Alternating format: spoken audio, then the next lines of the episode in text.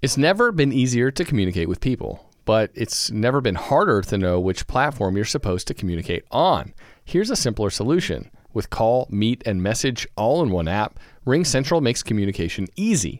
With all that connectivity in the palm of your hand, you can work from anywhere with anyone at any time and never miss a beat.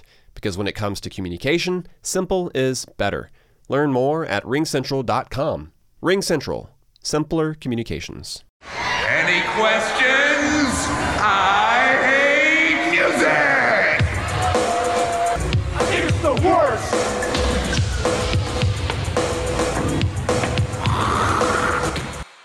I ruszyła maszyna. Cześć, cześć, cześć, z tej strony Metalurgia i prawie muzyczne show.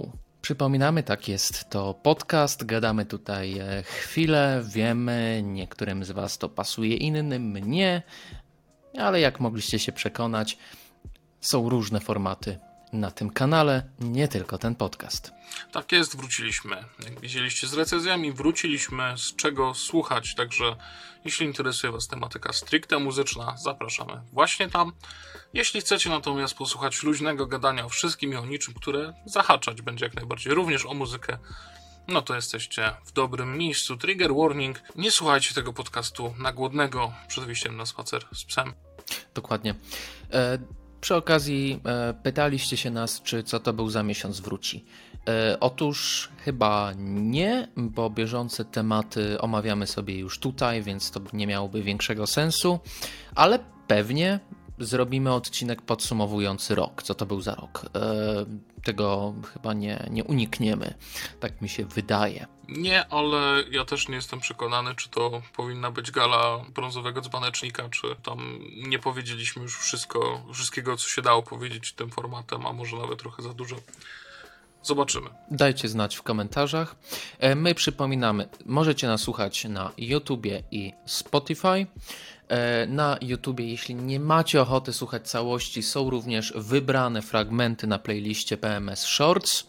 E, Na TikToku zaczynamy powoli dodawać e, nowe rzeczy, a jeśli nie zaczęliśmy, to zaczniemy niedługo dodawać. Pytania możecie wysyłać nam na naszego maila prawie.muzyczna.gmail.com lub pisać na naszym Discordzie oczywiście.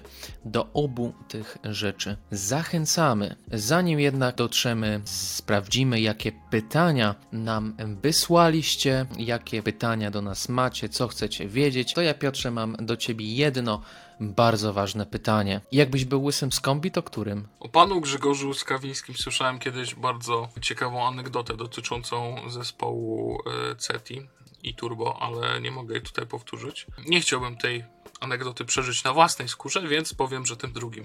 Ale jak on się nazywa, nie mam pojęcia. Ten drugi nazywa się, proszę ja ciebie, Sławomir Łosowski. E, wcale ci się A, nie no dziwię, pewnie. chociaż, chociaż wiesz, tutaj jest trochę trudny wybór, bo albo y, jesteś tym oryginalnym łysym z kombi, który właśnie stracił prawa do używania znaku towarowego kombi poprzez decyzję Trybunału Sprawiedliwości Unii Europejskiej, który znak ten przyznał temu drugiemu łysemu panu Grzegorzowi Skawińskiemu. Z drugiej strony Grzegorz Skawiński, oprócz tego, że jest łysym z kombi, jest również Transformersem, który y, Oj tak. zmienia się roboto-gitarę y, razem z panem Nergalem. Ja w ogóle mam gdzieś płytę, wiesz? Mam właśnie Guitar? gdzieś... Tak, tak, tak. Na półce mam gdzieś płytę z kawy, no ale teraz jej nie znajdę. Mm, No ja miałem swojego czasu za podjarkę taką, no po prostu graniem na gitarze bardziej niż muzyką i to jest konsekwencja, ale nie znajdę jej teraz. Ty się chwaliłeś, to zanim zaczniemy jeszcze, ty się chwaliłeś blokami, ja się pochwalę ludzikami może w tym miesiącu. To jest sierżant oddziału taktycznego. Nie wiem, czy to kamera złapie w ogóle. Coś tam łapie. Bardzo ładnie. Coś tam łapie. Nie do końca jestem zadowolony, ale jak na powrót w latach to jestem. A tutaj jeszcze starszy kolega, czyli dowódca oddziału Terminatorów, takiej żuko zbroi śmiesznej. O, Sympatyczny pan. sympatyczny pan, ma elektryczny miecz i o, to, to, to, to mi teraz, na tym mi teraz mijają wieczory. Dobra, Ładnie. Mi ostatnio mijały Dziękuję. na malowaniu ramek. E, w ogóle kupiłem sobie lustro z ogromną ramą, żeby go e, pomalować. E, Takie od Je. ziemi? ją. Je. E, nie, nie, Albo właśnie to, takie tę ramkę pomalować, czy... ramę pomalować e, w jakieś różne wzory i potem odsprzedać z zyskiem. Kapitalizm. Dobrze, W ogóle, dobrze. e, jeśli chodzi o dzisiejszy odcinek, trochę bym zmienił naszą zwyczajową kolejność, ale zacznijmy tak jak zwykle od pytań. Pytań od Was. E, Tym razem pytaliście się nas na Discordzie. Pytał amator wszystkiego. Czołem wsłuchuję się ostatnio w nowy format i jest spoko. Dzięki, bardzo nam miło. Mam pytanie, na które myślę, że fajnie by było usłyszeć odpowiedź. Zaraz usłyszysz. Od, do jakiego zespołu albumu zeszło Wam najdłużej, aby się w nim rozkochać? Bardzo fajne pytanie. Dziękujemy amatorze wszystkiego. Jaki album, zespół zajęło Ci długo, żeby, żeby rozkochać? Na początku chciałem powiedzieć, że Black Sabbath z Ozim, bo bardzo długo się wzbraniałem przed e, docenieniem tej muzyki. e, Team Dio, ale się nie rozkochałem. Nie mogę powiedzieć, że się rozkochałem w Black Sabbath z Ozim, szczerze mówiąc. Więc chyba powiedziałbym, że Mastodon. Mastodon i mm, Devin Townsend. Oba, obo, oboje tych wykonawców widziałem na festiwalu Sony Sphere po raz pierwszy w życiu, gdy grali chyba przed Metaliką na lotnisku w Bemowie, stare czasy. No i Mastodon na żywo jest okropnym zespołem.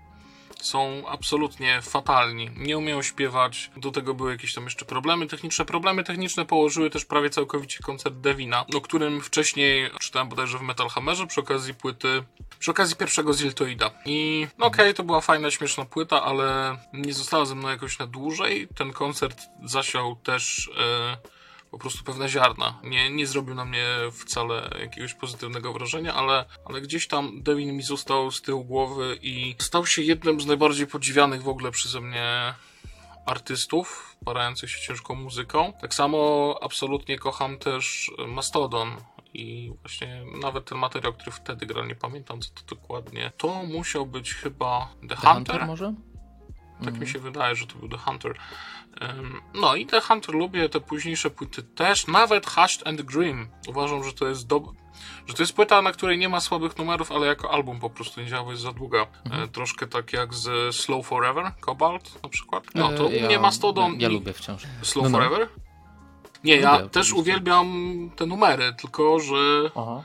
cała ta płyta jest, kurde, Jest no ciężka do przebrnięcia. No, trzeba słuchać jednak po, Ile ona po jednym trwa? albumie na raz. Godzina 23 minuty, 12 kawałków, nie? No, Też, kurde, każdy z tych utworów jest absolutnie zajebisty, zwierzęcy i y, kobaltowy, ale ja tej, w całości trudno mi się te płyty odbiera. Ale dobra, to ode mnie Devin Townsend i Mastodon, co od ciebie? Ode mnie Converge. To był zespół, który teraz absolutnie uwielbiam, kocham, ale moje pierwsze z nim zetknięcie Jane Doe mm, było takie, że trochę się odbiłem od ściany. Było to dla mnie za intensywne, za głośne, za dużo naraz, za dużo się działo. Próbowałem potem jeszcze kilka razy, nie udawało się, aż natrafiłem na All We Love We Leave Behind. I włączyłem sobie ten album biegając, jak jeszcze mi się chciało biegać. Wyszedłem sobie trochę, e, trochę pobiegać, miałem e, jeszcze na załadowany na MP4, MP3 ten album i odpaliłem i od samego e, początku też z tą adrenaliną związaną z bieganiem udało się, kliknęło i wysłuchałem tego albumu kilka razy. Pomógł mi w utrzymywaniu tempa, jednocześnie się aż tak nie męczyłem. I potem e, zacząłem się cofać od niego. E, to było jeszcze przed e, The Dusk in Us. Zacząłem się cofać do Axe to Fall, pokochałem ten album coraz dalej i znowu z pewnymi obawami, ale posłuchałem jeszcze raz Jane Doe. Do tej pory uwielbiam. Co mogę powiedzieć więcej? No, Converge. To co, kolejne pytanie z Discorda? A, pewnie. Hipnagog pyta. Kiedyś przy okazji singla miesiąca i reaktywacji Pixies Michał rzucił temat, czy obecnie potrzebne są kompaki. W sumie fajny temat na debatę w ramach podcastu. Tym bardziej, że ostatnio mamy wysyp jakichś reunionów, pantery i tego typu tworów. Potrzebujesz kombaku jakiegoś artysty? Tęsknisz za kimś szczególnie? Nie pamiętam w kontekście, y, co, co dosłownie miałem na myśli, jak, jak padło pytanie o to, czy comebacki są nam potrzebne.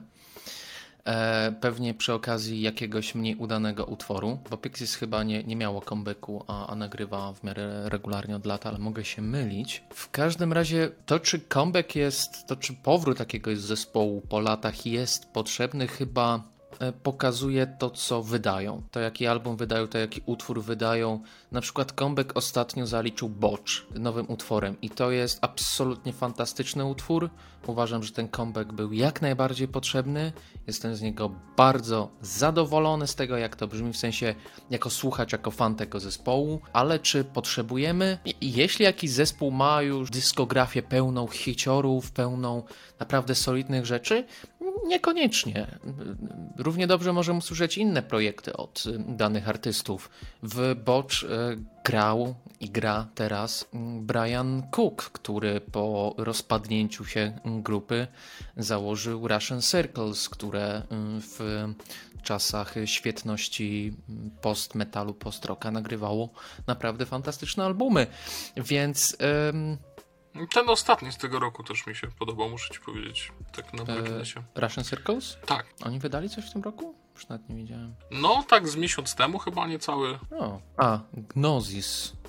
Okładka fajna. Ja nie jestem absolutnie zwolennikiem e, muzyki instrumentalnej, metalowej, to akurat tutaj taki fajny drive jest w tych utworach, wiesz, takie one są faktycznie ciężkie i o czymś, a nie tylko właśnie takie postrokowe pierdy. Jeśli o mnie chodzi, to hmm, jakby wymuszanie przez fanów na artystach powrotów jest moim zdaniem szkodliwe, bo jeśli to są zespoły, które mają jakiś naprawdę fajny dorobek, ale miały go kiedyś, jeśli jako aktywni artyści robią zupełnie inne rzeczy i czym innym się zajmują, to zmuszanie ich do powrotu do tamtej formuły jest to po prostu nieszczere i bez sensu. Dla mnie dobrym przykładem jest na przykład Emperor, którzy bardzo skutecznie z jednej strony wrócili z koncertami, a z drugiej odżegnują się od tego, że żeby nagrać kiedykolwiek jakiś materiał studyjny razem. I oni są bardzo w tym szczerzy, mówią, że to jest po prostu dla fanów, żeby mogli usłyszeć te kawałki na żywo, natomiast oni są jako ludzie po prostu w zupełnie innym miejscu, że te lata 90. to był dla nich bardzo intensywny, szalony czas, gdzie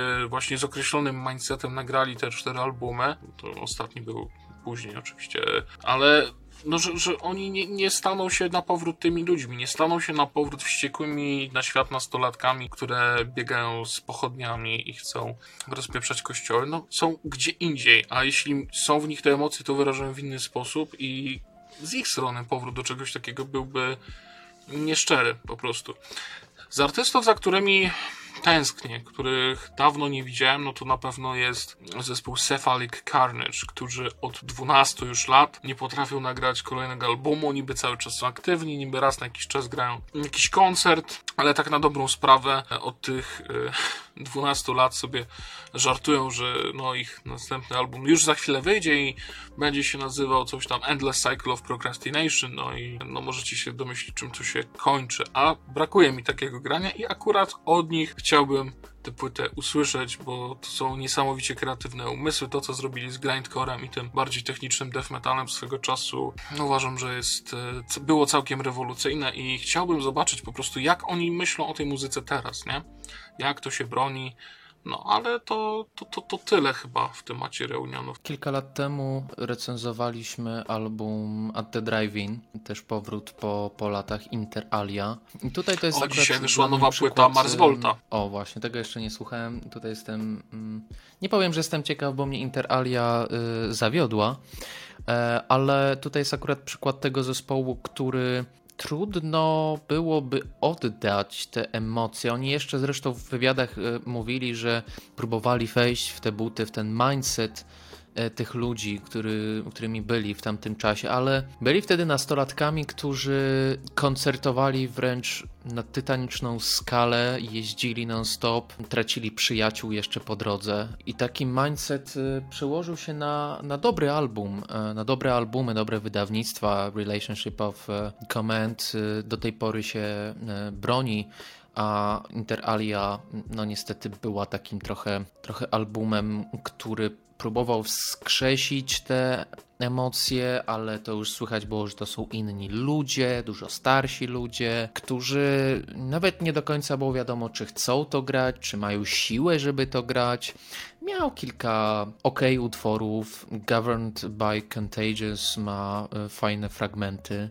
E, chociażby No Wolf Like the Present e, jest całkiem spoko otwarciem, ale nie wracam do tego albumu w ogóle, a Relationship of Command jest, e, nawet jeśli jest jakaś dłuższa przerwa, to wracam do niego co za jakiś czas, coś czuję, że chyba po nagraniu tego, jak sobie przypomniałem o tym albumie, wrócę sobie do niego jeszcze raz i to jest ten właśnie problem z oczekiwania kontra rzeczywistość, bo ludzie się zmieniają, chcą nagrywać inną muzykę, są inni. Jak ten czas mija i ludzie oczekują, że ten album będzie nowy album po reunionie, będzie równie dobry jak poprzedni, albo będzie wywoływał podobne emocje. Trudno o to, bo nie tylko ci muzycy się zmienili, ale również ludzie, którzy to słuchają, więc niestety. Tak, niestety tempus fugit. I ostatnie pytanie z Discorda pyta Per Olinek Okrąglinek. Myślałem, czy w ogóle zadawać to pytanie, ale raz się żyje. Mam zatem następujące pytanie do PMS. Co myślicie o Wulgatorze? Czy pojawi się recenzja, nie recenzja? Trochę już chyba z czasu minęło i chyba już nie ma sensu recenzować.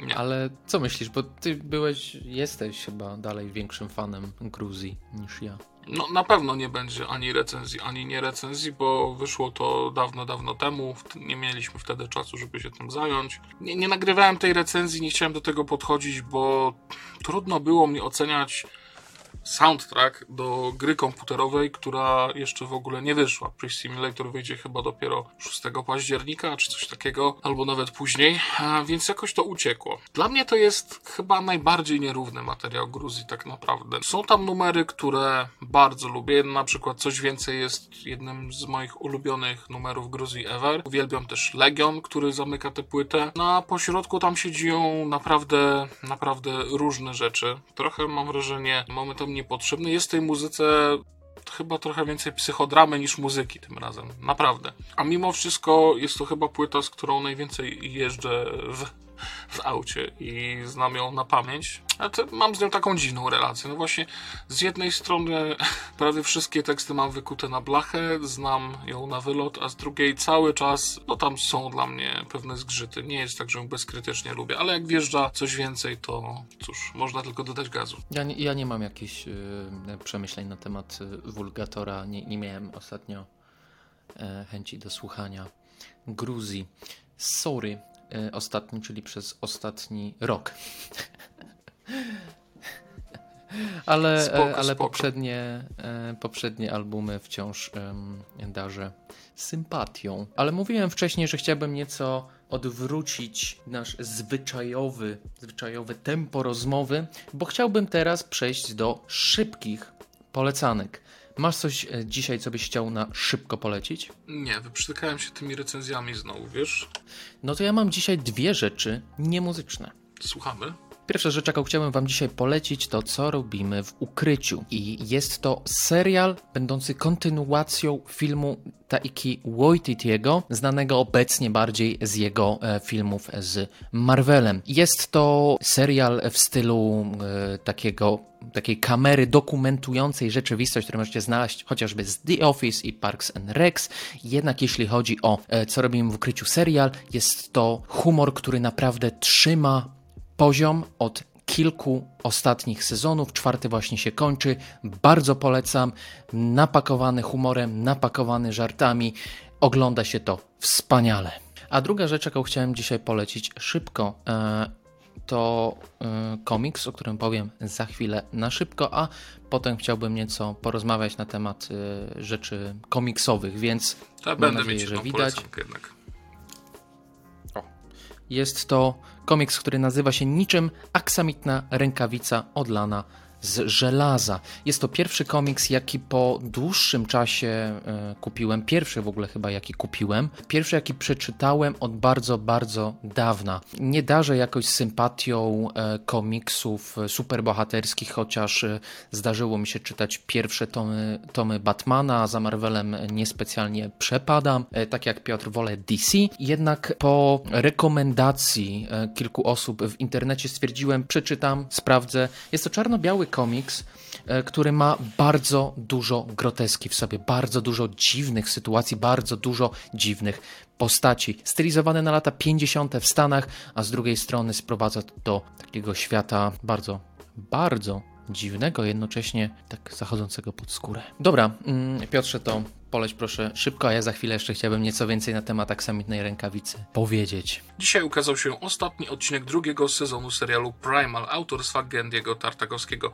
Jeśli kochacie Samuraja Jacka albo animowane w 2D Wojny Klonów, to jest to coś dla Was. Serial opowiada o losach jaskiniowca oraz zaprzyjaźnionej dinozaurzycy, którzy razem pokonują różne przeciwności losu. W przeciwieństwie do wymienionych wcześniej produkcji jest to niezwykle krwawe widowisko, pełne gore i drastycznych scen.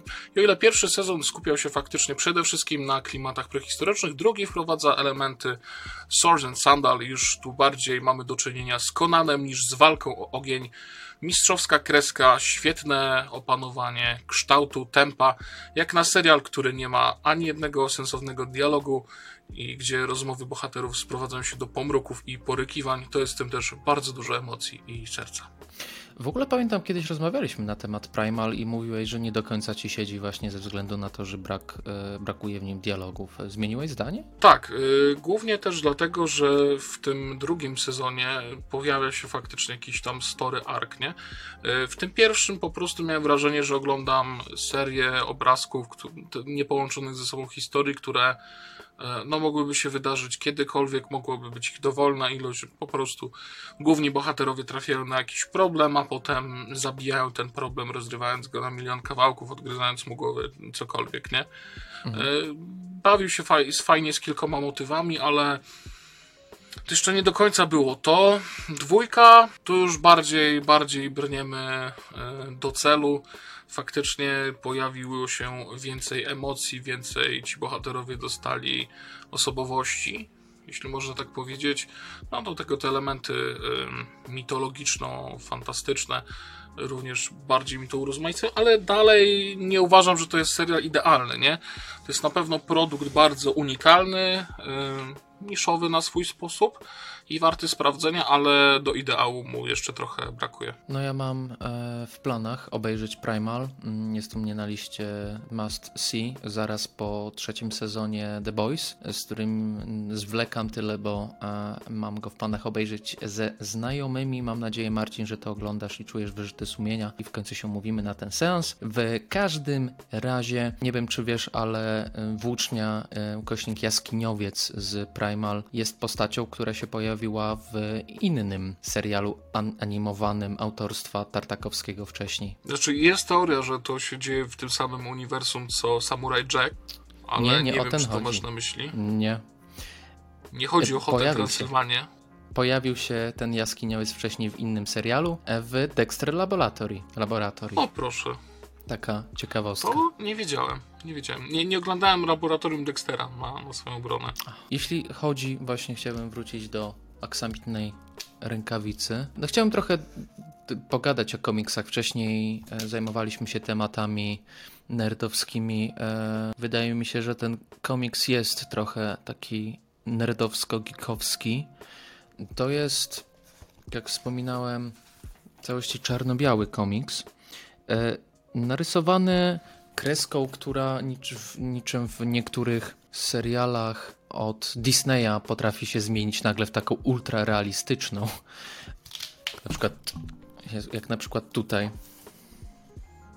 Na przykład są tutaj o. właśnie takie postacie, które są częścią mhm. tego świata, który jest realistyczny, a z drugiej strony pojawiają się w nim takie elementy niczym z koszmaru, niczym z jakiegoś snu na, na jawie, nie do końca jakby wiadomo, co jest częścią tego świata, co nie. Przyjmuje się to, co jest razem z tymi e, dziwactwami, razem z tymi postaciami, które są naprawdę bardzo bardzo dziwne. Czy to Boris Karloff? I główny. Nie. Główny bohater tutaj, tak w skrócie, po zobaczeniu mm, w kinie abstrakcyjnego filmu, po zobaczeniu kobiety w nim występującej, udaje się w podróż. I ta podróż już od samego początku na jego drodze stają, staje masa przeciwności, jak chociażby policjanci, którzy do nieprzytomności go biją. Pechowo. I potem tych pechowych sytuacji jest tam coraz więcej. Trafia w końcu bohater do miasteczka, który przypomina trochę Twin Peaks, ale w jakimś dziwnym koszmarze, takim upside down, niczym ze, ze Stranger Things. E, Są psy bez e, otworów na przykład. To jest niepokojące na kilku poziomach, ale kontynuuj. potwory wychodzące z wody. Jest postać, która pojawia się e, w różnych e, miejscach i próbuje e, tak jakby równolegle mm, główny bohater dowiedzieć się kim lub czym ona jest. Bardzo abstrakcyjna miejscami lektura, ale jak najbardziej ją polecam, no bo tak jak mówiłem, czyta się to trochę jakby, trochę tak takie źródło, taki strumyk świadomości osoby, która majaczy w gorączce i zaczynają jej przychodzić coraz dziwniejsze rzeczy, coraz dziwniejsze wizje. W ogóle mm, chciałem trochę o komiksach porozmawiać, bo tak jak mówiłem na początku, mm, nie czytałem ich za dużo, a to było bardzo pozytywne doświadczenie i szukam trochę takich właśnie teraz komiksów, które nie byłyby napisane wokół jakichś superbohaterów, a byłyby czymś właśnie może takim nienaturalnym, zaskakującym. Rozmawialiśmy wcześniej trochę o komiksach poza kamerą. Polecałeś mi, mi jeden. E, Poradza... Polecałeś, odradzałeś. Odradzałem ci serię Crossed, e, bodajże Gartha Enisa, która jest takim postapokaliptycznym exploitation opowiadającym o świecie, gdzie rozprzestrzenia się jakiś tajemniczy wirus, który sprawia, że na twarzach ludzi pojawia się znamie krzyża i wraz tym znamieniem krzyża, im bardziej ono staje się wyraźne, tym z ludzi wychodzą jakieś najbardziej zwyrodniałe pragnienia, myśli i tak dalej. One się przeradzają w czyn. To jest seria graficzna, która ja sobie potrzebowałem po niej zrobić taki mentalny detoks, bo w pewnym momencie, okej, tam było trochę takich zombie, podo- zombie apokalipsa podobnych historii, trochę było jakiegoś takiego Mad Maxowego exploitation, nawet trochę z odrobiną humoru. Natomiast głównie, głównie to była po prostu autor próbujący być najbardziej edgy jak się da. Czułem się w pewnym momencie, jakbym e, oglądał kompilację jakiś, nie wiem, gore na, z egzekucji karteli czy czegoś takiego, bo e, tam nie było absolutnie żadnych hamulców, 100% dosłowności, do tego jeszcze podkręcone tą komiksową kreską, to, to, to odradzam akurat, ale to mnie pytałeś jakieś takie dziwne rzeczy faktycznie. Ja niestety lubię komiksy superbohaterskie, chyba przede wszystkim z DC, ale no ogólnie. Y, Lubię, natomiast nie polecam czytać ich y, o konkretnych superbohaterach. Nie polecam jakby na, na bieżąco próbować skumać, który to jest timeline, uniwersum i tak dalej. To mnie bardzo strasza, jak widzę, że to jest Ziemia 600 ileś tam, albo Świat 2137, to od razu mi się odechciewa czytać. Polecam się skupić przede wszystkim na autorach, których znacie i lubicie. Dobrze będzie zacząć może od właśnie klasyków jak y, Alan Moore, Frank Miller, który ma na swoim koncie nie tylko Sin City, ale też świetnego Batmana, Dark Knight Returns i czy The Killing Joke to jest jego? Nie, no to jest Alan Moore oczywiście. E, Alan Moore, którego pierwszą serią z taką chyba związaną właśnie z DC był Swamp Thing, gdzie on bardzo psychologicznie tę postać pogłębił, która na początku jest taka bardzo a, śmieszna, groteskowa. To jest taka wariacja na temat potwora z laguny, który próbuje być jednak no, troszkę bardziej ludzki i sympatyczny dla czytelnika, a Moore dopiero nadał tej postaci już jak, jakiejś głębi, e, tak czy inaczej, bo się zagłębia w jakichś dygresjach i zapętlam. Chciałem Ci polecić komiks From Hell, również e, Alana Mura, który swój tytuł czerpie z listu, który otrzymał Scotland Yard na początku XX wieku w trakcie morderstw Kuby Rozpruwacza, gdzie właśnie to niby Kuba Rozpruwacz napisał do policji ten list, gdzie no, wyśmiewa policjantów. Komiks proponuje jedną z teorii, które mogły stać za tym, co tam się faktycznie działo. Jest to troszkę z pogranicza thrilleru, trochę z pogranicza może powieści detektywistycznej, ma też specyficzną konstrukcję i w bardzo ciekawy sposób też e, opowiada o tak zwanej psychogeografii Londynu. Analizuje to miasto już oczywiście wtedy chrześcijańskie em, pod kątem tego, co kiedyś było na miejscu na przykład jakich kościołów, jak to wpływa na mieszkańców. Bardzo mroczna, bardzo krwawa historia, ale wydaje mi się, że może Ci się spodobać. Okej, okej, wygląda to, to nieźle, dzięki, sprawdzę.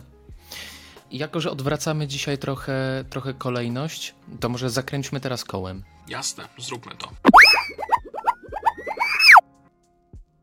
Recepty jako miara cywilizacji. Co miałeś na myśli, gdy to wpisywałeś? Bo to chyba twoje. Nie, to jest twoje.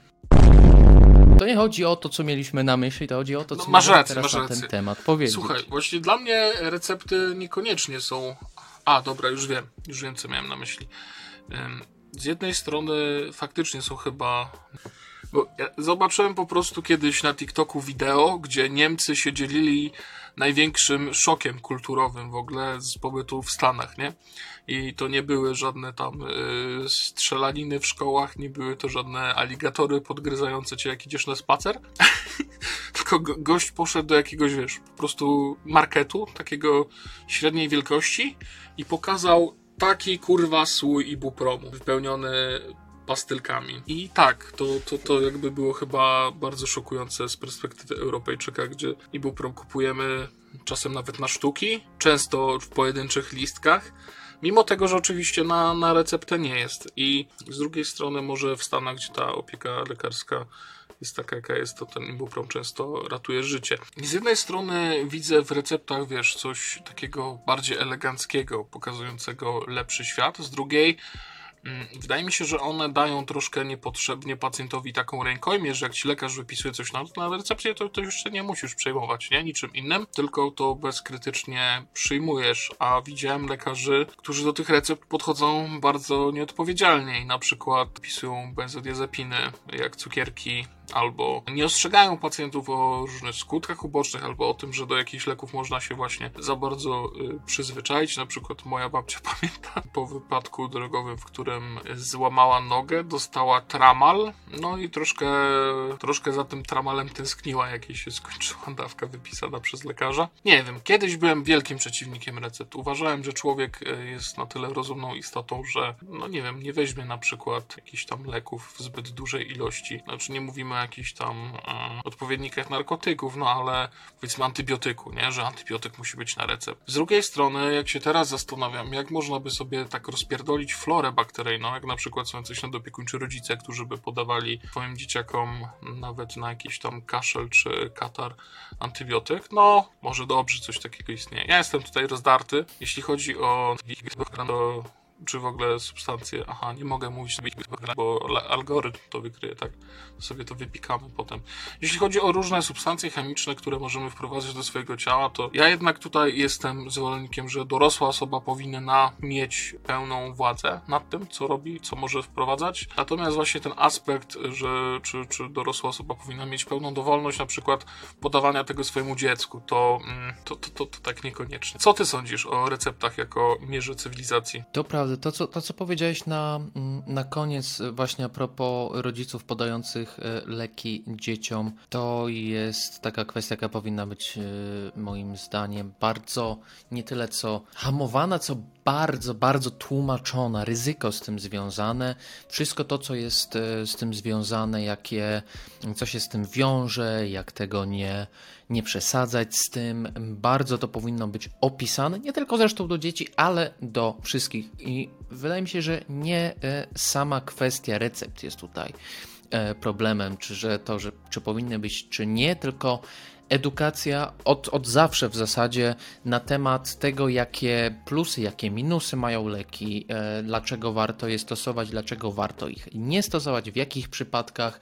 Powinniśmy to e, wszyscy wiedzieć. Oprócz tego, że powinniśmy mieć oczywiście taki odruch, żeby sięgać do tej ulotki i sprawdzać, jakie są skutki uboczne, że można się właśnie uzależnić, e, żeby wiedzieć, że jak coś się dzieje po tym leku, jakimś leku właśnie może być to skutkiem właśnie ubocznym. Więc yy, tutaj przede wszystkim moim zdaniem powinna działać edukacja tej kwestii. Ale No nie, tak, jestem, ale- nie jestem żadnym specjalistą, tak mi się tylko wydaje. Ale wiesz, to jest taki bardzo wyidealizowany obraz. Jak teraz idziesz do lekarza, to on tak naprawdę ile ma? 20 minut czasu?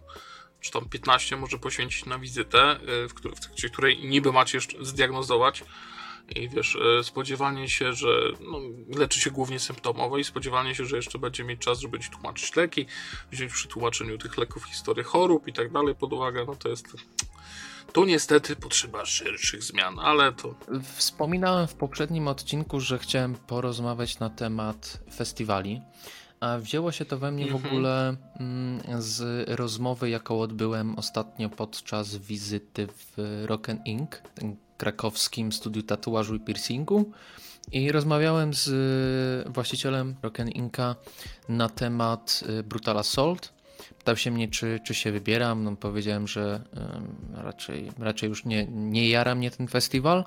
Stwierdził, że też się raczej nie wybierze, bo w sumie wszystkie te zespoły już, już widział, które tam grały. I trudno się tutaj nie zgodzić, bo wydaje mi się, że nie tylko Brutal Assault, ale większość metalowych czy rockowych festiwali trochę na to cierpi, czyli chodzi mi tu o powtarzające się line-upy, o e, gwiazdy, które powracają, jeśli nie co roku, to co dwa lub trzy lata.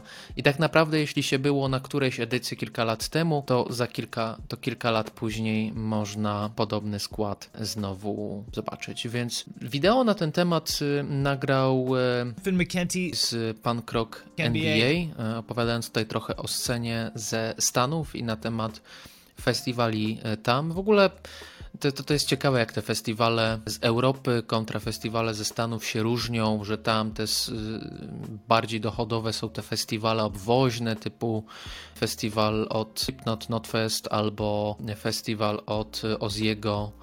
I, I tutaj mamy w Europie festiwale, które są już tak osadzone na mapie. Jest Brutal Assault, jest Hellfest, ale wydaje mi się, że powoli dla osób, które już są jakoś, które były na kilku edycjach na przykład, a, a lubią festiwale, po pewnym czasie ta formuła się zaczyna wyczerpywać. I pytanie, może warto się otworzyć na więcej twórców, a może to jest problem jeszcze bardziej sceny metalowej, rockowej. Co sądzisz? Geriatria jest problemem sceny rockowo-metalowej. Jeśli cały czas te same nazwy są na plakatach, to nie wiem, jak ta muzyka ma się rozwijać, ale wydaje mi się, że to jest głównie bolączka tych największych festiwali. U nas nawet tak duże imprezy, jak chociażby Mystic, wydaje mi się, że fajnie z tego wybrnęły, bo jasne, miałeś troszkę tych weteranów, te zespoły, które no chciałbyś w końcu zobaczyć, tak, że możesz sobie odhaczyć z listy, ale też sporo nowych, ciekawych nazw, które mam wrażenie wcale nie muszą tak do Polski szybko wrócić. Okej, były jakieś tam gwiazdy sezonu, powiedzmy, jak na przykład e, Imperial Triumphant grali na Mistyku, czy nie? Nie pamiętam. Było też sporo takich, wiesz, naprawdę bardziej niszowych rzeczy typu dla smakoszy, nie? E, podobnie Summer Dying Loud na mniejszą skalę, ale też wciąż ciekawie, wciąż fajnie z pobudzeniem tej lokalnej sceny. Ale to jeśli chodzi o, o mnie- Mystic, to nie no. jest festiwal, który jest jakiś stary, więc tutaj trudno o to, żeby się zaczęły powtarzać te zespoły. Wiesz, dla mnie generalnie festiwal muzyczny jest mało atrakcyjną formą, zwłaszcza taki letni i terenowy, bo naprawdę trudno mi sobie wyobrazić bardziej sprawiające mi dyskomfort miejsce niż masowa impreza, która się odbywa latem, gdzie nie masz dostępu łatwego do wody, gdzie musisz e, tłuc się w kolejce o prysznic godzinę, gdzie masz jakieś pole namiotowe, gdzie ktoś ci nażyga do namiotu albo będzie zimno w nocy, a w dzień jest totalny skwar. No, w dodatku wszędzie są ludzie, ci ludzie są spoceni, najebani. Już same koncerty klubowe bywają pod tym względem niezbyt przyjemne. A na, na letnich festiwalach mam wrażenie, że następuje intensyfikacja tego zjawiska w związku z warunkami pogodowymi i skalą przedsięwzięcia, nie? Plus, ja ci się muszę przyznać, że po latach robienia metalurgii, zwłaszcza tej radiowej, ja cały czas mam takie koncertowe PTSD, że się nie umiem tymi koncertami cieszyć tak na 100%. Ja mam kurwa cały czas poczucie, że jestem w pracy, że ja będę zaraz musiał zrobić jakiś wywiad, że się nie mogę napić e, piwka ze znajomymi w ilości większej niż jeden na przykład, bo muszę tutaj być, śledzić, zrobić sobie w głowie notatki i nie umiem cały czas z tego trybu wyjść, więc może to jest problem naszej perspektywy. Może jak jeździsz na ten Hellfest i traktujesz to po prostu jak imprezę albo na Brutala, to jest ci w zasadzie wszystko jedno, co tam gra. Wybierzesz sobie jakiś jeden, dwa koncerty, na które zwrócisz uwagę, no bo nie da się wszystkiego z takiego line-upu zaliczyć, nie? I, i jest fajnie, bo, bo pijesz piwko, jest muza typu metal i, i się nie przejmujesz.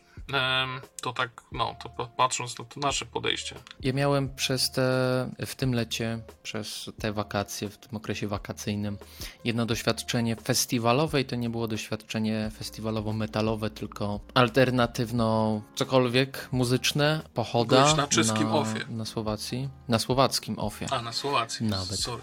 I było bardzo interesująco, bo może dlatego, że nie słyszałem większości zespołów stamtąd, które grały tam wcześniej. Nie słyszałem Nika Cave'a na żywo, a tam miałem okazję. Nigdy nie słyszałem Metronomii i na żywo, dzięki koncertowi na żywo się do nich przekonałem. Masę jakichś mniejszych projektów zobaczyłem, typu Otoboke Beaver czy Łuzę. To było bardzo fajne y, doświadczenie. Chodziłem między tymi namiotami, zawsze coś się ciekawego działo. Miałem okazję się rozczarować też Injury Reserve i Black Country New Road, a, y, ale więcej było tych pozytywnych rzeczy. Mi się wydaje, że tutaj problem tych festiwali metalowych jest, y, przynajmniej tych większych, y, tych, które dłużej już działają, jest ten, że no ten line-up się powoli kończy, a trudno jest przyciągnąć ludzi tymi mniejszymi zespołami, jak ciekawe by one nie były, bo raczej sobie nie wyobrażam, żeby Gruzja miała headlinować Brutal Assault, a to mogłoby życzę być ciekawe.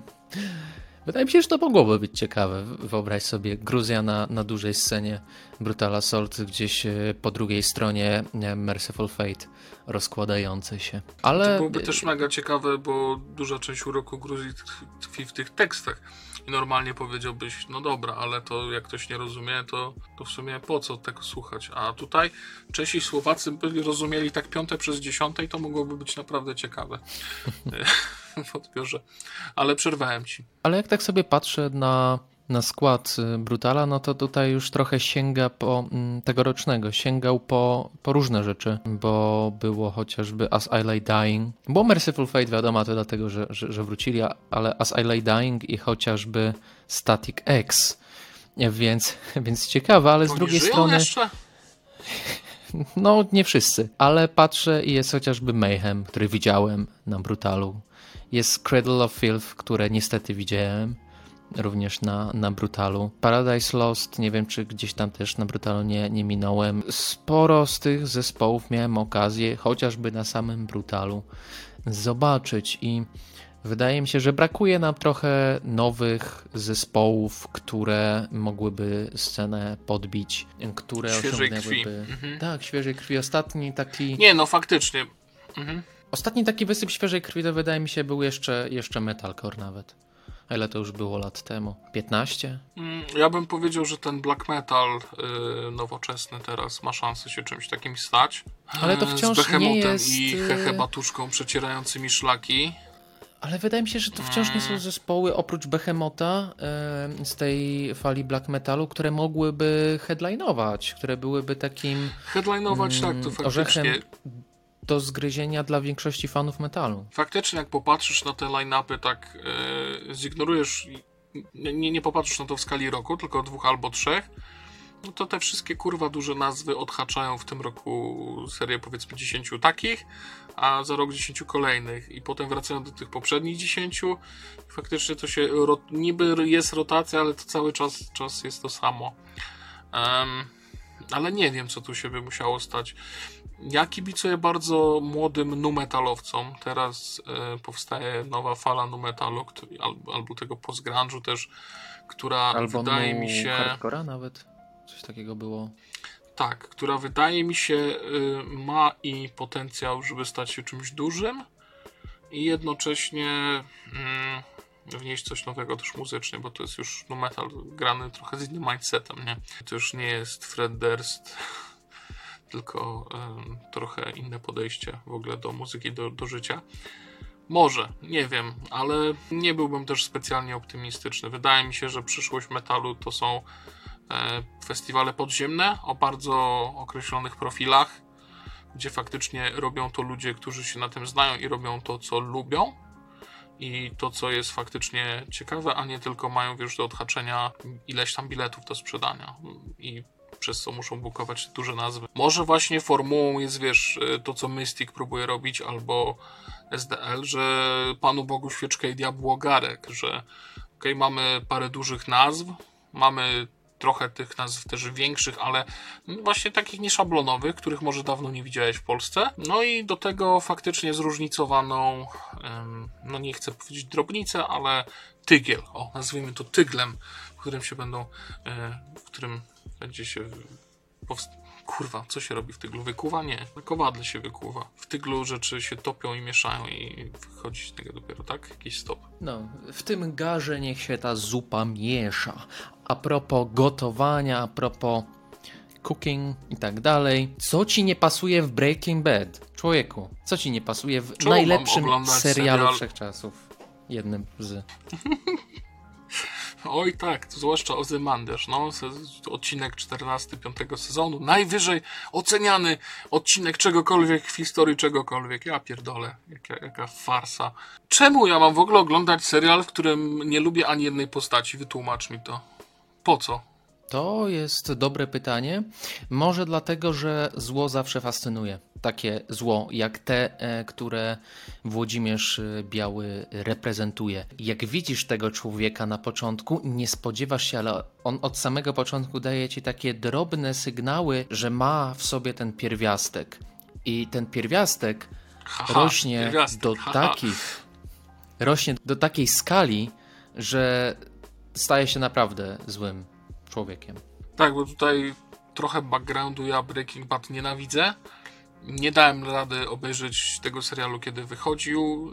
Pró- próbowałem parę razy go kończyć. Dopiero teraz, po rewelacyjnym Better Call Saul, sobie go zbingowałem i to już wmusiłem w siebie po prostu. Dalej twierdzę, że jest okropny i się fatalnie zestarzał w dodatku. Już wiele, wiele rzeczy, które się tam pojawiają, nie robi takiego wrażenia. Chociaż praca kamery jest świetna i obsada jest świetna, jasne. On jest świetnie zagrany, świetnie nakręcony, ale tam jest kurwa tyle dłużyzn. Tam jest. To on, nie, nie wiesz, są z jednej dłużyzny. strony. Ta atmosfera się rozkręca. Ale ja, ja, jaka Dobra, ale- atmosfera? no już... Ale niektóre, niektóre sceny ze śniadania mogłyby być krótsze, okej. No mogłyby być to, że w ogóle Walter Jr. Da, da, puf.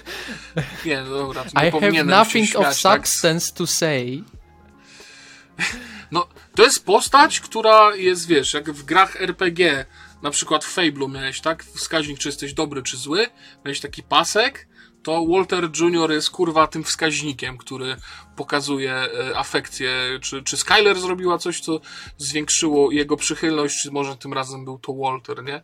Poza tym ta postać tam nie robi absolutnie nic. W pierwszym sezonie jest jedna scena może, gdzie on próbuje z koleżkami sobie kupić piwa, a potem się pojawia tylko wtedy, żeby, gdy, gdy może coś tam ponarzekać, a gdy, gdy go nie ma wygodnie, no to, to go nie ma. Jest tam spora galeria takich postaci e, drugoplanowych, które są fajne. Na przykład Mike, Gaz, chociaż te, też trochę tego nie rozumiem, że serial, który próbuje budować bardzo realistyczną głębię psychologiczną swoich bohaterów, ma takich absolutnie kurwa kreskówkowych wilanów, którym brakuje tylko, że wiesz, wąsa będą kręcić, nie? Zresztą Better Call Saul to samo, nie? Lalo po prostu Oni są podstępni, oni są tacy, że wiesz, knują coś cały czas. Są niczym z y, filmów noir. Nie do Tak, końca to rozumiesz jest- ich intencje, ale zawsze coś knują takiego, żeby wyszło na ich. Ale to jest śmieszne, jak zderzysz właśnie tą obyczajówkę serialu, tą właśnie y, psychologizację i jakby tematykę radzenia sobie z chorobą na przykład, tak, to jak ona też trafia w twoją rodzinę, a nie tylko w ciebie i masz obok tych a, Mr. White, we meet again, it's time to give your money away. No, okej, okay, no tam nie było złych Rosjan akurat, ale wiadomo o co chodzi. Nie wiem, no mnie przede wszystkim przerażało to, jak bardzo trudny był w binge'owaniu ten serial. Tam się mało działo. Ja rozumiem, że z jednej strony był bardzo precyzyjny w tym, co chciał pokazać, ale z drugiej, jak odcinek z muchą jest dla mnie tutaj takim kwintesencją po prostu. Kwintesencją no jest tego. Doceniany co, jako co... jeden z, z gorszych yy, odcinków, ale no, no, no, no ale on przynajmniej, okej, okay, tam była jedność czasu miejsca i on był w pewien sposób, no to już serial siebie nie traktował poważnie specjalnie. Swoją drogą jestem ciekaw, czemu w ogóle go nakręcono, bo zazwyczaj takie elevator episodes, to się nazywa, tak? W sitcomach na przykład, gdzie bohaterowie zostają zamknięci w windzie na cały odcinek, no to się kręci wtedy, jak serial sobie słabiej radzi finansowo, bo masz tylko jeden plan przez tam 20 minut i próbujesz na, trosz, troszkę, troszkę nadrobić. Sposób Breaking Bad chyba sobie bardzo dobrze radziło i coraz lepiej wręcz. So, są takie momenty, że postacie sobie jadą z miejsca na miejsce na przykład. Albo że wymieniają jakieś dialogi, które nic nie znaczą. Wątek Teda Beneke nie wiem czemu służy. To jest na przykład taka totalnie kretyńska e, rzecz, która się wydarzy, wydarza i jest tak absurdalna, że... Żeby rozwinąć e, nieco postać Skyler, tak mi się wydaje że tylko temu służył. Ale czy, czy ją faktycznie rozwija w jakiś sposób i też... No, A... powiedziałbym, że tak. Pokazuje jak... Pokazuje nam na początku, jak ona podchodzi do niego, ma ten romans z nim.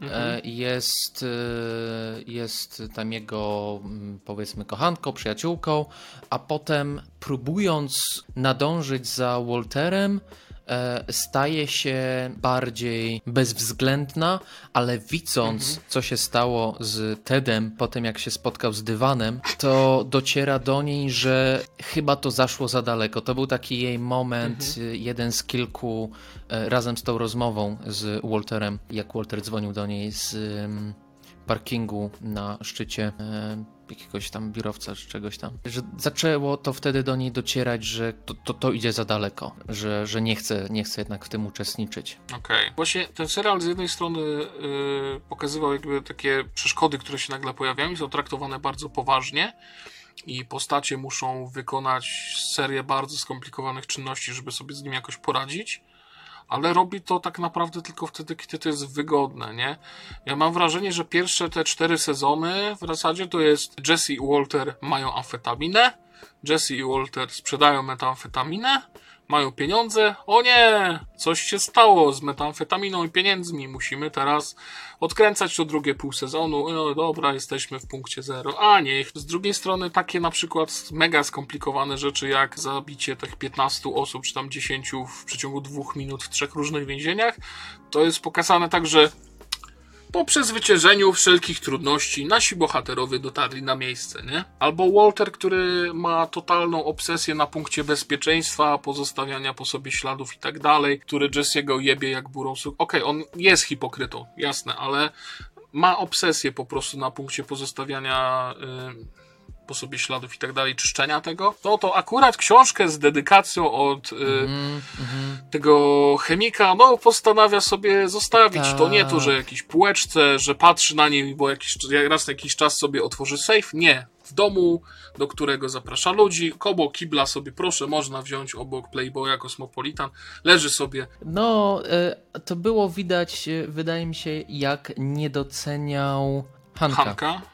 Jak go, jak go nie docenia, okay. jak e, w pewnym momencie, bo go to na początku bardzo martwiło, że jego szwagier pracuje mhm. w DEA, po czym zaczął go nie doceniać, bo wszystko mu się udawało i pozwolił sobie w tym swoim bez, tej swojej bezpiecznej przestrzeni na właśnie takie, takie potknięcie, bo tych potknięć mu się zdarza, pokazuje to, że on jest człowiekiem, że on dąży do tego, żeby być jak najbardziej złym ze złych, e, trochę upodabniając się do tych złych, których pokonał, również przejmując ich jakieś zachowania typu odcinanie brzegów chleba, tak jak to Gaz robił podczas robienia tostów. Z drugiej strony próbuje wejść w ich Mm, buty, ale nie udaje mu się chyba. to.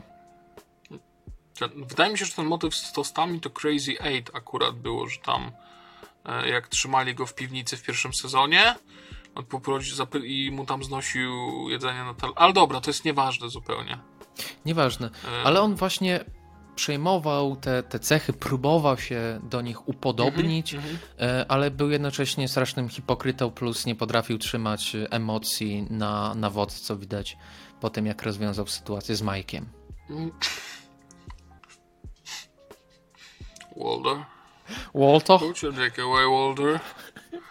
I'm not having sex with you, Walter. Walter? Ale w ogóle to też jest fascynujące, że ile minęło czasu od e, zakończenia Mhm. Better, e, Bet, nie Better Call Saul, Breaking Bad i do tej pory powstają memy z Breaking Bad i są tak popularne. Wyobraź sobie, że, że Tak. do tej pory powstawałyby tak, tak memy z, nie wiem, z Grotron?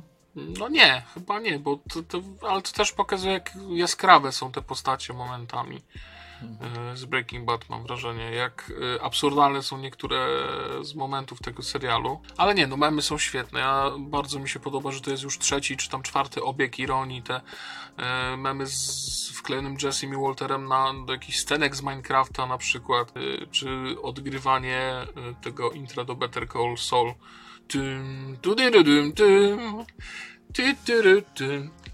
Y, jako dźwięku, który pasuje do wszystkiego, no jest absolutnie piękne i za to jestem Vince'owi Gilliganowi bardzo, bardzo wdzięczny. O, może w ten sposób.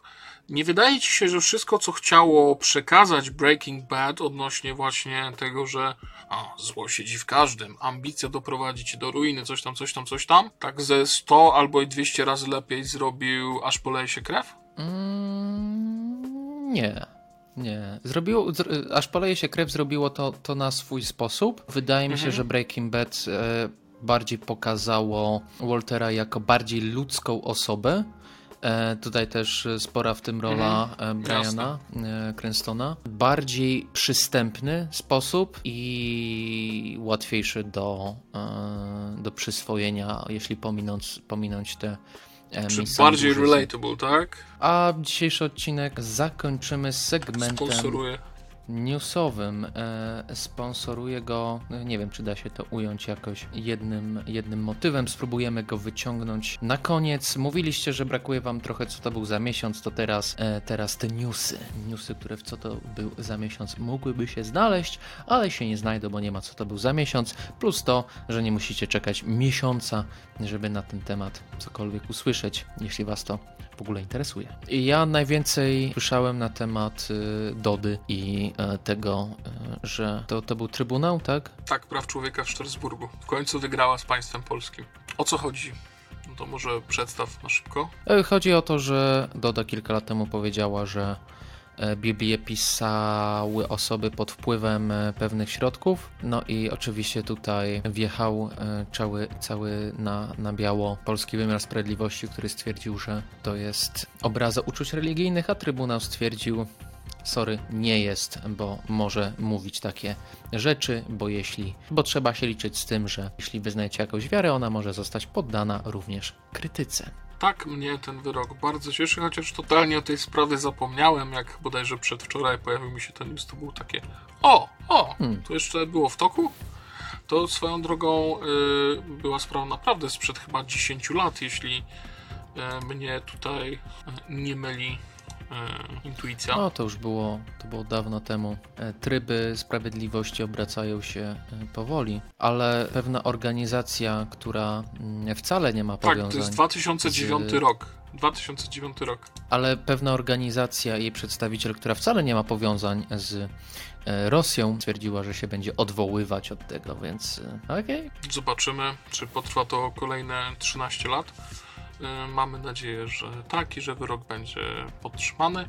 Z kolejnych rzeczy, też niejako półlokalnych, Roger Waters, znany z Pink Floyd oraz Roger Waters, postanowił zabrać głos, jeśli chodzi o bezprawną agresję Rosji na Ukrainę. Zarzucił prezydentowi Zeleńskiemu, że no halo, proszę przestać kontynuować tę wojnę, bo są ofiary po obu stronach, a to jest straszna rzecz. I jakby powtórzył te absolutne pierdolenie fabrykowane przez chociażby cerkiew rosyjską, powtarzane potem przez y, Franciszka, że no właśnie odpowiedzialność za wojnę jest wspólna z jakiegoś powodu i że no może już się rozejdźmy. Swoją drogą akurat teraz trwa kontrofensywa Ukraińców i absolutnie rozpierdalają ruskich na lewo i prawo. I bardzo dobrze. Odpowiedziała mu pierwsza dama w bardzo elegancki, dosadny sposób. Jest to kolejny, wydaje mi się, raz, gdy Roger Waters e, zabiera z wysokiego tronu głos w sprawach, o których nie ma tak naprawdę zbyt dużego pojęcia i tonem oświeconego mędrca, który chce nieść e, pokój i miłość, no tak naprawdę bardziej szkodzi niż pomaga. Czy intencje ma dobre? No nie, ja nie, nie posądzam go o bycie jakimś tam opłacanym przez y, rosyjskich propagandystów figurantem, jeśli już to pożytecznym idiotą. No ale Waters też, no trauma w II wojnie światowej, śmierć ojca w trakcie tej wojny była zawsze bardzo, bardzo mocno zaznaczana w jego twórczości, więc e, szkoda, że tylko w ten jednowymiarowy sposób w tym przypadku się, się to objawiło. Trochę takie, taki miks y, papieża Franciszka z Morriseyem. Dalej e, zespół Vector po jednym dniu w Century Media został wyrzucony z Century Media. Czemu? Zespół Vector został kilka lat temu mm, oskarżony o y, bycie y, chujami.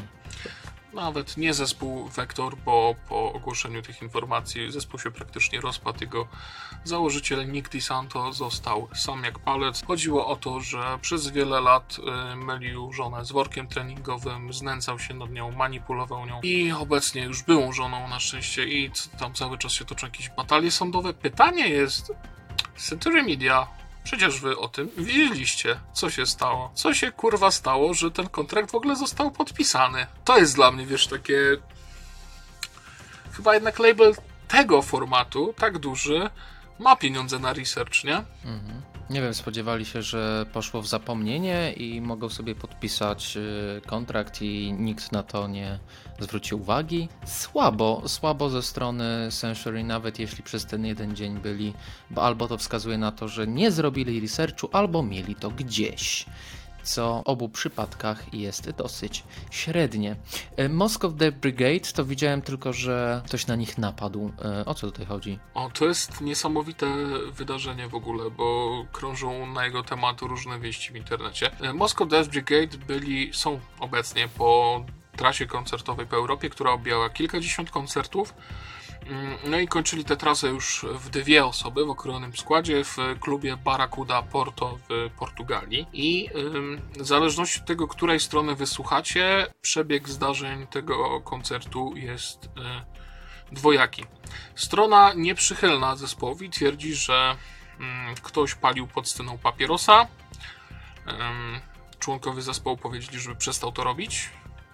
Tamta osoba nie zareagowała albo odburknęła coś nieuprzejmego i dalej paliła ostentacyjnie tą fajkę, więc zespół, e, jeden z członków zespołu zajebał jej kosę e, w łeb, po czym cała tam, praktycznie cały klub się rzucił na, z tłustych członków zespołu, oni tam uciekali jakoś, e, potem ich van został zdemolowany. Natomiast z, z perspektywy Moscow Death Brigade wyglądało to trochę podobnie, ale inaczej były przerzucone te akcenty, że faktycznie z jakiegoś powodu wydawałoby się związanej z, ze środowiskami hardcore i punkowymi miejscówce było wpuszczonych trochę skinów albo nazioli związanych z lokalnymi tam środowiskami psydokibicowskimi którzy postanowili właśnie bardzo otwarcie e, prowokować zespół. I po tych, o ile po pierwszych właśnie probo, tam parę osób faktycznie na początku paliło fajki w pierwszych rzędach, e, mały klub zresztą, e, nie było tam zakazu palenia, tylko zosta- zespół grzecznie poprosił, żeby ludzie się przesunęli, no to część zgasiła fajki, część się tam cofnęła, no a część tych właśnie e, byczków została z przodu i ostentacyjnie dalej te fajki paliła, doszło do jakiejś słownej y, utarczki, po czym właśnie ci palący papierosy mieli zaatakować członków zespołu y, w przeważającej sile.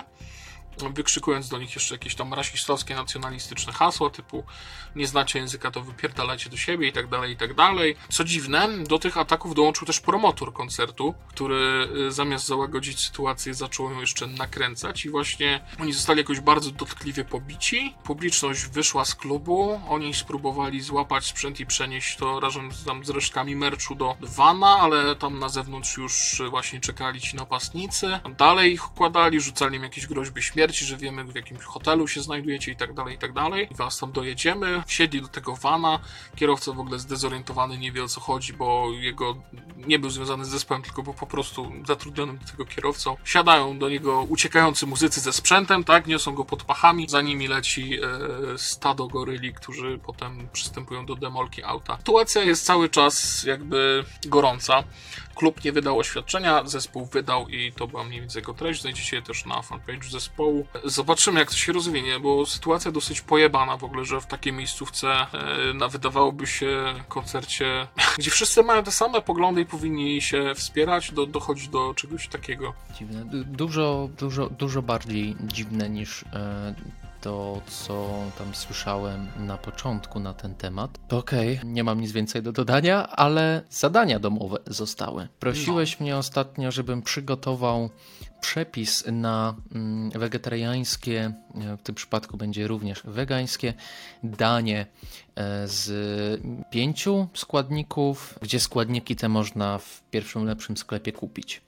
E, No to jest to przepis na fasolę z ryżem. Już podaję składniki. Dwie puszki czerwonej fasoli albo chili, fasoli chili, jedna druga szklanki ryżu. Wiadomo e, jedna szklanka wody do tego ryżu, jedna kostka rosołowa i plus jedna e, szklanka wody do tego, jeden por i dwie cebule, do tego wiadomo przyprawy wedle uznania, żebyś to sól, pieprz. Ja na przykład dodaję jeszcze przyprawy do fasoli, jest taka specjalnie. I teraz po Się kolei. nazywa przyprawa do fasoli?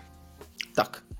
Z kamisu jest bodajże czy Okej. czegoś takiego. Na początek kroi się cebulę i pora na taką drobną kostkę. W międzyczasie można zrobić ryż. I taki mały trik odnośnie ryżu. Wsypujecie ryż, który jest wcześniej przepłukany, wlewacie do tego wodę w temperaturze pokojowej, wiadomo, pół szklanki ryżu, jedna szklanka wody, przykrywacie to i nie odkrywacie tego przykrycia garnka przez cały czas gotowania. Nie odkrywacie nawet na chwilę. E, Jeśli zaczyna kipieć, no to trzeba po prostu nieco zmniejszyć poziom nagrzewania. Dalej por i cebula. Wrzuca się ją do dużego garnka, wcześniej rozgrzanym olejem. Po lekko przypieczeniu tej cebuli i pora wrzuca się te dwie puszki fasoli, następnie dorzuca się do tego kostkę rosołową, kostkę bulionową i 20 e, minut trzyma się, żeby się gotowała tam, skwierczała na małym do średniego ogniu. No i potem się serwuje razem z ryżem. I to wszystko. Jest e, naprawdę bardzo sycące e, i jednocześnie dobre. Polecam. Brzmi dobrze. Dużo białka. Zaliczam, jak najbardziej. Dużo białka ma w sobie, bo to wiadomo, rośliny strączkowe. Ty natomiast poprosiłeś mnie, żebym przesłuchał Minutes to Midnight Linkin Park. Zrobiłem to Bardzo bolało? i nie mogę powiedzieć, że to było... Bolało, wiesz, bo tak jak te najbardziej memiczne slash znane utwory Linkin Park jeszcze jakoś lubię, tak tutaj większość tej płyty to są takie popowe popierdółki, ale takie naprawdę poprokowe, które mogłyby się tam znaleźć obok y, Avril Lavigne, Pink i tak dalej, nie? W jednym pasmie. Zaskoczyło mnie faktycznie jak ciężkie jest na przykład No More Sorrows albo no wiadomo What I've Done jest takim chyba najbardziej e, niosącym tę płytę numerem, ale poza tym Jezu, no naprawdę. A Given Up? Nie sądzisz, Nie że wiem, to jest. y, mm, Given Up, y, y, bo tutaj są jeszcze te, te mocne utwory, jak właśnie Given Up i Bleed It Out. I wydaje mi się, że Given Up jest takim utworem, który. A, to ten z klaskaniem, dobra. Wydaje mi No. się, że to jest utwór, który mógłby ponieść dalej trochę nu metal w bardziej przystępne, a jednocześnie nie tracące na agresji rejony. I na dalszych albumach Linkin Park już tego nie było. Mm, Nie śledziłem już po tym albumie ich y, zresztą za, za bardzo, ale wydaje mi się, że jakby nu metal poszedł bardziej w takie momenty, jak są na Given Up, jak na Bled It Out, mógłby nieco dłużej przetrwać, rozwinąć się w ciekawsze rejony i trochę to, co robią współczesne zespoły nu metalowe, nu metalkorowe, to jest właśnie trochę pójście w tą stronę, co, co robi Given Up w bardzo edgy, angsty, wkurzone, krzyczące momenty, a jednocześnie muzycznie wciąż przystępne. I wydaje mi się, że gdyby tak brzmiał nu metal po roku 2007, to mógłby przetrwać nieco dłużej. Jeśli będzie więcej takich zespołów, które grają w ten sposób współcześnie, to ma to szansę pójść w fajnym kierunku. No, jest w tym coś, bo zwłaszcza ten Give It Up ma takie punkowe nabicie. Te wokale są właśnie na tej idealnej granicy, że twoja osoba, której chcesz to pokazać, która nie słucha metalu, jeszcze nie powie, że to są ryki niedźwiedzia, ale jest to na tyle melodyjne. No, no, no, no, no, no. Myślę, myślę, że może tak być. E, Zresztą to chyba też trochę słychać po tym, co tej cięższej alternatywie jednak e, miziającej się z popem jest, jest popularne, nie? Czy, czy w tej e, nowej właśnie fali nu metalu. Ale zdziwiło mnie właśnie, jak w pozostałych fragmentach, w pozostałych utworach, zwłaszcza tych śpiewanych, a nie rapowanych, jakie, jakie to jest miękkie tak naprawdę i takie bardzo Nijakie. poprokowe. No. Popakowo nijakie, a to, to wydaje mi się bardzo dziwne, zwłaszcza, że go produkował to Rick Rubin, który jest znany z tego, że potrafi ucinać utwory, a wydaje mi się, że tutaj sporo do wycięcia było. Valentine's Day, Mhm. e, Hands Held High, e, In Pieces. To są utwory, No które ten moim Valentine's Day, ja pierdolę, to jest już w ogóle jakaś taka, no nie chcę tutaj rzucać zupełnie, epitetami, zupełnie ale... niepotrzebne. A druga kwestia, o jakiej chciałem wspomnieć, odnosi się do e, innego przeboju z tego albumu, czyli właśnie What I've Done. Nie wiem, czy widziałeś ten trend, but it came out in 2007, który odnosi się do nostalgii za rokiem 2007, za filmem pierwszym Transformers, który kończył się utworem What I've Done, właśnie zespołu Linkin Park i ludzie e, dodając ten utwór do końcówek filmów, seriali, dowadniają, że to pasuje do każdego zakończenia filmu. I pokażcie mi film lub serial, do którego by to nie pasowało. Mówię wam, pasuje do każdego. Wpiszcie sobie But It Came Out in 2007, zobaczycie z Obi-Wanem Kenobim, zobaczycie z American Psycho, z filmami z MCU, z najnowszym Batmanem, z nawet z Metal Gear e, Rising, czy, mm, czy ze Spider-Manami i za każdym razem to pasuje. Wiem już, jak spędzę dzisiaj wieczór. Koniecznie. Tak samo jak w projekcie Wall, który robi to samo, ale z innym utworem. Walk of Life z Dire Straits, który pokazuje, że to też pasuje do końcówek każdego filmu. Ten projekt zrobił też sporo takich przeróbek z chociażby Lśnieniem, Robocopem, Matrixem, Absolwentem, Halloween, Gladiatorem, e, Batmanem, tym starszym, e, z 400 batami, chociażby też, 12 małpami, przekrojowo bardzo, ale też pokazuje, że Walk of Life, tak samo jak What I've Done, są idealnymi utworami na zakończenie. Tylko, że What I've Done ma teraz y, większy potencjał nostalgiczny, jako że powstał w 2007 roku, a.k.a. ostatnim dobrym roku e, tego e, stulecia. Po, pomyśl sobie. Ja sobie właśnie zacząłem teraz już wyobrażać, wyświetlać sobie e, te zakończenia i Jest rok 2007, cieplutko, wracasz sobie do domu po e, graniu w gałę z kolegami, odpalasz sobie Transformersów ściągniętych z jakiejś pirackiej sieci, nagranym gdzieś, gdzieś w kinie z wątpliwą jakością dźwięku. Piękne czasy. Nostalgia uderza mocno. życie miało więcej barw, które były bardziej nasycone. Dobra, to co? Zadania domowe na następny odcinek? Może. Zadanie... O kurde, Masz coś dla mnie? Właśnie zapomniałem przygotować. Ale może, o. mm, Może, może, to będzie, może to będzie dobry ten. Może cię bardziej w, przez to zmuszę. Obejrzyj w końcu próbę generalną na HBO, The Rehearsal. Dobra. Obejrzyj to w końcu, Dobra. bo Chcę e, o tym porozmawiać e, z Tobą już od e, kilku odcinków prawie muzycznego show, a jeszcze nie obejrzałeś, a teraz Cię przynajmniej w ten sposób zmuszę. Nie ma dużo odcinków. Jak zobaczysz dwa, to się wkręcisz. Także to, to, to jest moje zadanie dla Ciebie. Dobrze. Ja mam dla ciebie zadanie plastyczne tym razem. O, Komiksowe. Chcę, żebyś na- narysował postać do jakiegoś komiksu i masz pełną dowolność, e, jeśli chodzi o jej wiek, atrybuty fizyczne, osobowość. Poza jest, jest jeden warunek, który musi, pozostałe elementy muszą do niego pasować. Ma dwa ulubione albumy muzyczne. Pierwszy to jest nowa Aleksandra Siekiery, a druga to jest przeciwko kurestwu i upadkowi zasad firmy. mhm. Dobra, dobra. To są, wiesz, takie top of the tops albumy tej, tej, tego bohatera, bohaterki, bohaterko. Pomyślę. Ciekawe zadanie. A Wam dziękujemy za, e, za to, że nas słuchaliście, że byliście z nami, że zostaliście do końca. Jeśli zostaliście do końca, my tymczasem, e, jak co odcinek, pozdrawiamy szóstkę z naszych słuchaczy. E, Także pozdrawiamy szóstkę naszych patronów. Dziękujemy. Kacprowi Ledwoniowi, Filipowi Aleksandrowi, Łukaszowi Miścierewiczowi Danielowi Ziemniakowi, oraz Piotrowi Wojciechowskiemu. i Arturowi. Kasprzykowi. To był kolejny odcinek prawie muzycznego show. Swoje pytania możecie wysyłać na prawie.muzyczne małpa.gmail.com, do czego Was zachęcamy. Pytajcie nas o wszystko.